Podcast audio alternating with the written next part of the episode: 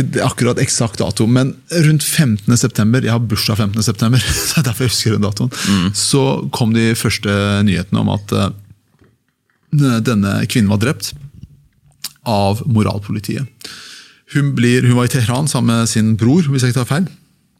Og så blir hun stoppa av moralpolitiet for å ha, ikke ha dekket seg til tilstrekkelig, ikke fulgt hijab-påbudet. Så blir hun satt i en bil og kjørt til arresten. Eh, og så har det kommet ut en video der du ser hun bare hun er i en eller annen sånn sykehusgreie, uh, og så legevaktopplegg, og så kollapser hun bare. Og Det som sies uh, etterpå, er at uh, revolusjonsgarden, moralpolitiet, tar kontakt med familien og sier at vær så snill, altså, ikke vær så snill, ikke gjør noe, noe stort nummer ut av dette. her, Like hennes kommer på kvelden, vi får begravlagt henne på kvelden, så er vi ferdig med det. Og Familien nekter jo, og sier at vi må jo få lov til å begrave vårt barn på den måten vi ser sånn og sånn. Eh, de, eh, og så kommer det fram sånn litt etter litt hva som har skjedd. At hun på, som, i, i moralpolitiets varetekt har mest sannsynlig, eller slik det framstår av uh, obduksjoner som har blitt utsatt for hodeskader, blitt slått mot hodet og har pga. det da omkommet som en følge av det. Og Det er der det starter. Mm. fordi moralpolitiet i Iran det er ikke første gang de gjør dette. her, De er brutale. Uh, Massa Amini er ikke den uh, første uh, som, har opplevd det. Flere, flere, dør hvert år i moralpolitiets varetekt, og dette blir dråpa for, for iranske samfunnet.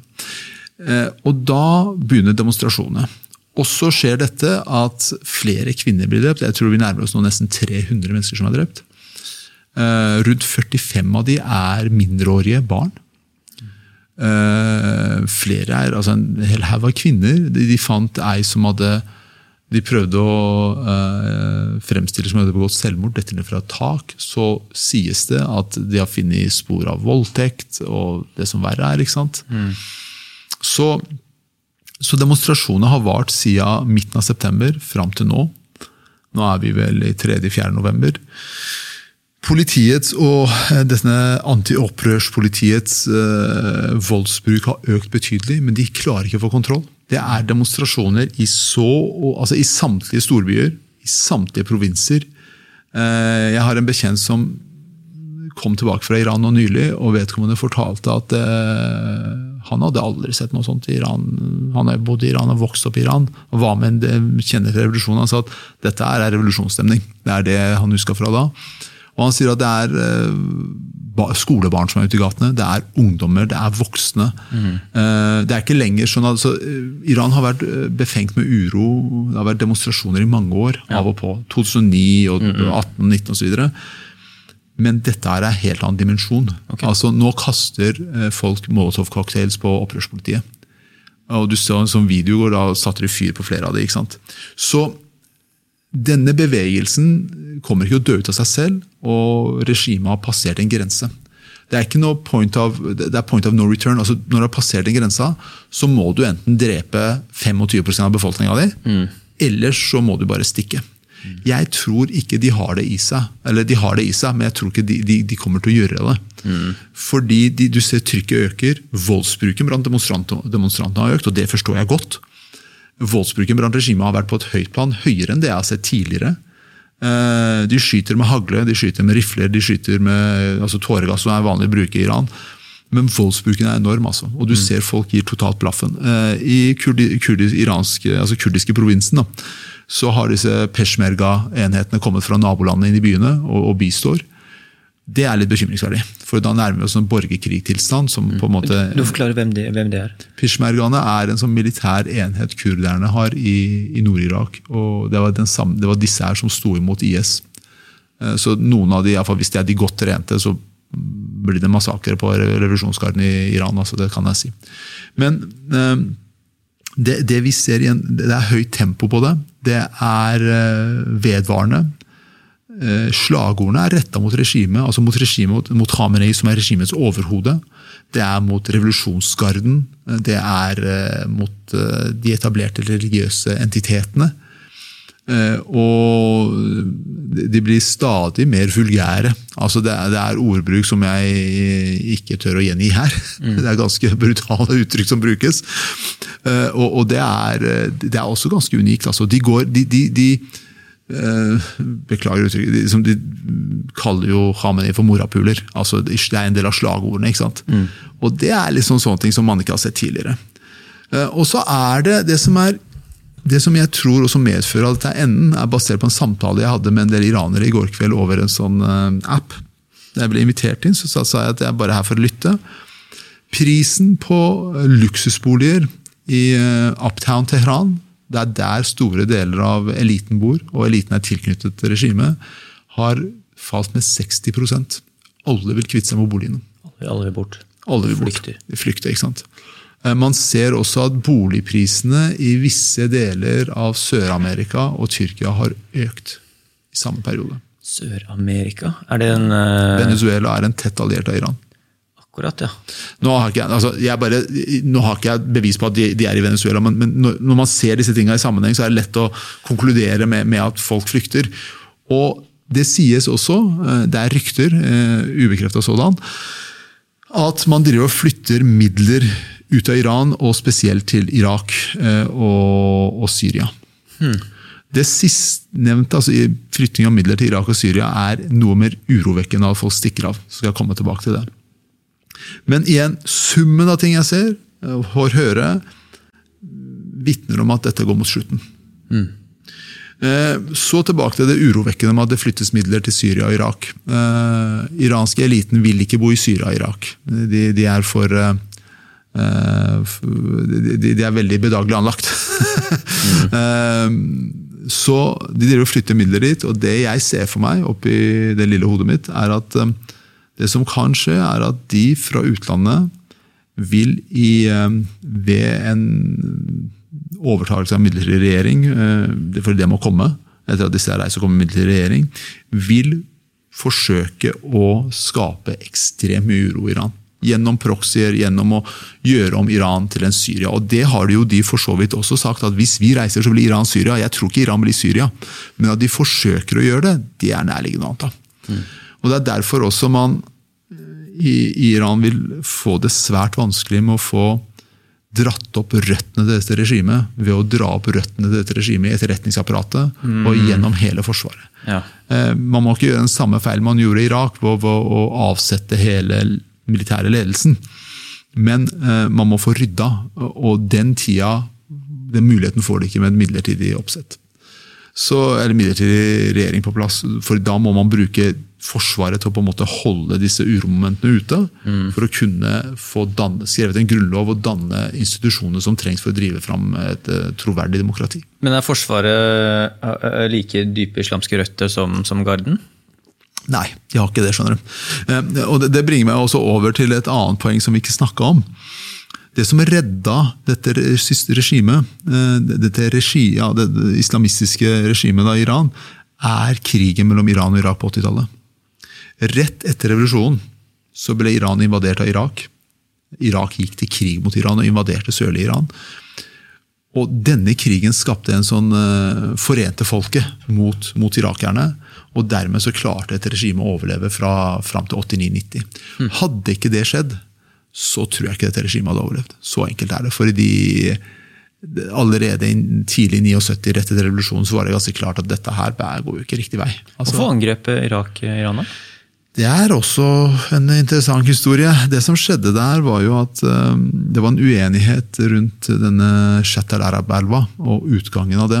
Eh, den går jo ut i Persiske gulfen, og, og, og, hvem som skal på sett og vis ha mm. hvem, hvem, den skal tilhøre. Shahen klarte å si, presse irakerne tilbake til at dette er vårt, ta dere sammen. Eh, og, og, Saddam gikk inn for altså Det var to, to, grunner slik det beskrives. Det ene var uenigheten rundt territoriet rundt Shat al-Arab, eller munning av Shat al-Arab som renner ut i Persiske gulfen. Det andre var eh, trusselen han så fra islamistene i Iran. Det var liksom det han gjorde. Planen var å ta Iran på to-tre uker, litt sånn Putin hadde for, for uh, Ukraina. Mm. Eh, krigen varte i åtte år. På det verste så var Iran langt inne i irakisk område og okkuperte nesten helt borte Basra. Det er et stykke bort. Eh, og det, den krigen varte eh, lenge. Og det som du spurte om Forsvaret, for å si det sånn da. Det iranske forsvaret, iallfall under sjahen, den ble bygd opp og, og bevæpna med vestlige våpen og var ganske godt disiplinert. Og så var jo i det iranske forsvaret, som så mange andre forsvar, i Midtøsten sånn staffasjeforsvar, det er mye marsjering og mye knuse ting med hendene og sånne sånn, helt meningsløse ting. Men, men, man hadde deler av forsvaret som var ganske effektive. Marinens spesialstyrker var ganske effektive, Hærens spesialstyrker var ganske effektive. Du hadde et godt bevæpna og utstyrt infanteri- og kavalerikorps. Et luftforsvar som fungerte ekstremt godt. Det er vel en iransk flyver som har flest kills med F-14 Tomcat. Wow. Det, det, var fordi Iran kjøpte F-14. Den historien er også ganske interessant. Det, en iransk Top Gun? Det, altså, sånn ja, det var det, men det var jo fordi ingen altså, F-14-fly har, ikke vært i krig. så, så, Iran som hadde det, som brukte det mot Irak. Jeg mener at de har også den F-14-flyveren, eller iranske flyvåpenets F-14-fly har også skutt ned én eller to Mirage-fly i krigen mot Irak. Mm. I dogfights. Eh, men det iranske forsvaret har ikke disse islamistiske røttene. Hadde de iallfall ikke. Eh, og de har på sett og vis, iallfall i fall når man ser, følger de på, på, sosiale medier, så ser man at de er de, de, har en litt annen tilnærming. De er ikke forsvaret av revolusjonen, de er forsvaret av Iran i mye større grad. Og i Irans grunnlov så eh, leser man for ansvaret på Forsvaret og sånn, og militærmakta, så, så, er det veldig mye fokus på territoriell integritet, veldig mye fokus på revolusjon og sånne ting. Um, og jeg tror Forsvaret er mye mer opptatt av den territorielle integriteten til Iran. Både marinen og Hæren og, og Luftforsvaret. Eh, og tilbake til det vi snakka om her eh, helt innledningsvis, altså dette med å sette opp revolusjonsgarden mot Hæren er ganske interessant. Den iranske revolusjonsgarden hadde, har i flere år hatt øvelser med Hæren som en sånn eh, opponent. Gjennom hele 2000-tallet, fram til ja, det er ikke mange år siden, så trente jo de med Hæren som en sånn regulær invasjonsstyrke. Der de skulle, altså revolusjonsgarden skulle være opponenten. Uh, og Det var interessant å se hvordan de trente, hva de, hva de la opp til. Men de har møttes på, på øvelsesfronten. Uh, og revolusjonsgarden er nok mye bedre til å føre irregulær krig i små enheter. Mm. Mens Hæren er mye mer satt til å føre storskala mekanisert infanterikrig. Ja. Men den iranske hæren er uprøvd siden 80-tallet. Mye av offiserene i ledelsen, i toppledelsen har jo vært eh, Iran-Irak-krigen og erfaringer derfra. Eh, tidligere marinesjefen eh, hadde jo vært i marinens spesialstyrker og vært med frigjøring av Khorramshahr. Eh, vært med i noen av de blodigste kampene i, i sør, så han har jo de med seg. Eh, men ja, eh, nei, altså tilbake til hovedspørsmålet. Den iranske hæren har ikke, eller iranske forsvaret, regulære forsvaret har ikke disse, disse røttene. Mm. Hvordan påvirker USA, CIA og Russland Putin dette her eh, kaoset ja. her, da? Hvis vi tar det siste først, av Russland. altså Irans forhold til Russland har vært ganske anspent. I, i altså Persias forhold. Mm. Som jeg sa her tidligere, så er det sånn at Iran eller Persia strakk seg jo helt opp til eh, Dagestan, og dette var persiske områder på 1800-tallet. så mye kriging, og denne Golestan-traktaten så mister man det. Eh, russerne altså tar disse områdene til seg. Eh, og så har du en periode der russerne prøver å ta stadig mer av Iran. Dagens Iran. Iranske Aserbajdsjan, iranske Gilan og Mazanderan, som er disse nordvestlige områdene på vestsida av Kaspiske havet, som er Iran. Så det er et anspent forhold mellom Iran og Russland. Det har det vært alltid. Ehm, og når Putin kommer til makta, altså Irans forhold til Russland blir bedre eh, gjennom 90-tallet og 2000-tallet, for Iran blir avhengig av russisk materiell, eh, russisk eh, samarbeid, vennskap og støtte i eh, Sikkerhetsrådet og sånne ting. Men Putin har videreført noe av det tidligere tsarer gjorde. Der de på en måte annekterte iranske territoriet. Så Han har ikke annektert iransk landjord, men han har på en måte funnet en ny fordelingsnøkkel på Kaspiske havet. Mm. Som er til fordel for Russland. Uh, han har uh, Per nå så er det jo sånn at Iran selger droner og missiler til russerne. Har til og med personell på bakken i Ukraina som bistår russerne i bruk av droner. Så på den måten der så har altså regimet gjort seg til et uh, skyteskive da, for, for Vesten. Så jeg, eh, jeg vil nå påstå at Irans forhold til Russland eh, er Det er et godt, godt forhold, men det er ikke til Iran, det er til regimet. Det må skille. Mm. Så Den dagen dette regimet forsvinner, så blir det interessant å se hva man gjør med altså kontraktene og traktatene med russerne og kineserne. Eh, jeg tror nok alle disse blir kansellert, og så må man begynne på nytt. Hva angår eh, CIA, altså USA og, og Israel, så er det interessante at israelerne er hellbound på å stoppe Iran fra å få atomvåpen. De, altså Iran, det iranske regimet har i mange år snakket om å tilintetgjøre Israel. Mm. Jeg trodde iranerne liksom var ganske close, eller hadde utvikla atomvåpen. Eh, men tenker jeg på type, altså kanskje at Pakistan ja, Pakistan har atomvåpen, men ikke Iran. Iran er ganske nærme, sies det, men de har ikke atomvåpen. Okay. De har eh, leveransemetoden. altså De har disse skuddmissilene sine, langtrekkende våpen som de kan bruke. altså Langtrekkende våpen i hundrevis av kilometer distans. Tilintetgjøre Israel. Intet, ja, men, intet, mindre. Ja, men det er det. det, er, det er som, de legger ikke skjul på det engang. Um, og det er tilbake til det du sa her innledningsvis, altså støtte de undertrykte. Og hvem er de undertrykte? Det er da palestinerne i dette tilfellet. Um, men, og, og, da har jo Israel gjennom mange forskjellige typer operasjoner, fra cyberoperasjoner til direkte sabotasje til bombeangrep og hva det måtte være, redusert Irans kapabiliteter til å utvikle atomvåpen. Mm. Um, dette Stuxnet-angrepet mot Irans atomanlegg under Ahmadinejad det var i 2008 jeg husker ikke, på midten av 2000-tallet. Da gjennomførte Israel et uh, digitalt angrep på, på Irans uh, uh, anrikningsanlegg. Hele anrikningsanlegget gikk til helvete. Mm. Det De gjorde var ganske interessant. De, de fant ut, altså Gjennom bare sånn bilder som kom ut på nett, så klarer de å finne hvilke typer, altså hvordan anlegget var satt sammen, hvilke software de brukte så klarte de å lage en malware som ble satt inn på softwaren.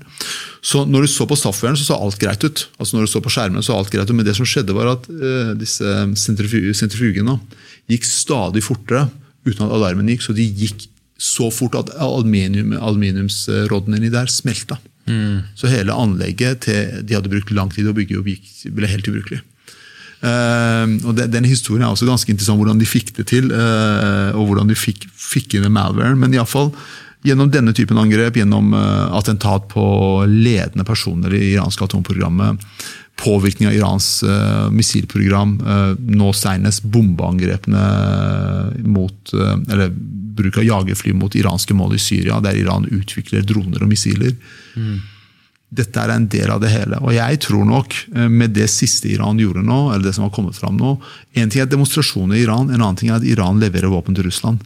Det vil også gjøre det ekstremt vanskelig for dette regimet å overleve. For mm. nå er jo altså eh, Iran er direkte delaktig, deltakende i krigen mot Ukraina. Og når Zelenskyj nå tok til orde for å på en måte ba Vesten om ta et hardere tak, så tror jeg det kommer.